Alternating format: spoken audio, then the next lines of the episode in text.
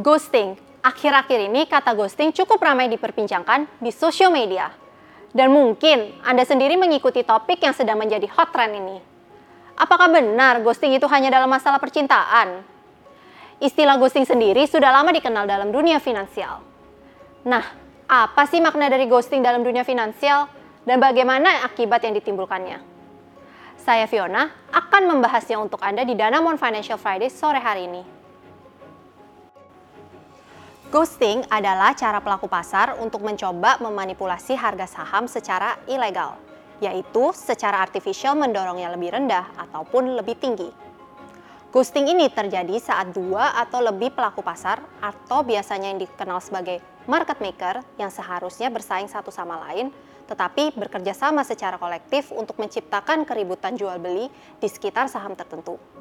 Tentunya, tujuan membuat gonjang-ganjing pasar saham ini untuk mendapatkan keuntungan pribadi secara tidak adil.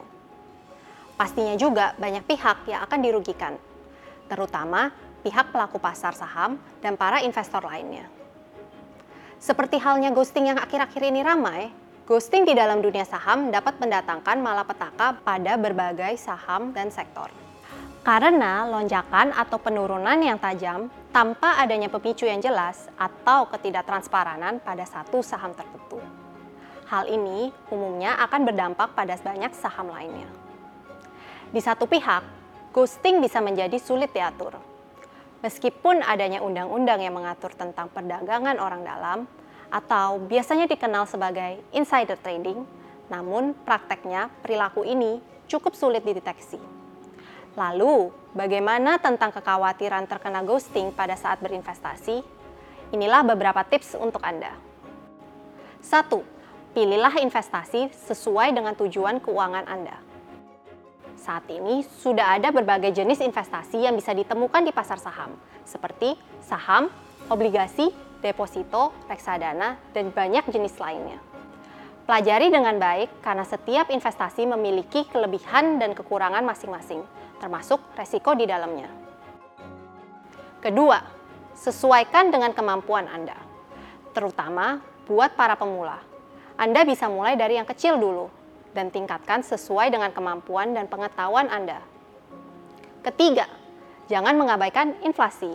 Selalu perhitungkan inflasi dalam pemilihan investasi jangka panjang. Hal ini untuk menghindari investasi yang Anda beli memiliki daya beli yang lebih kecil di masa depan. Keempat, jangan terlalu berlebihan. Investasi adalah rencana jangka panjang dan memiliki resiko yang berbeda-beda. Memulai investasi secara bertahap dengan tidak berlebihan akan membantu Anda untuk mempersiapkan diri secara mental dan juga psikologis, khususnya bagi para pemula.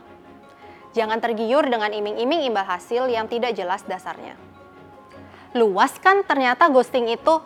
Nah, mau berinvestasi jauh-jauh dari ghosting, hubungilah investment specialist di Bank Danamon. Pastikan Anda berdiskusi lebih lanjut dan mengenali tujuan keuangan serta profil resiko Anda dengan baik.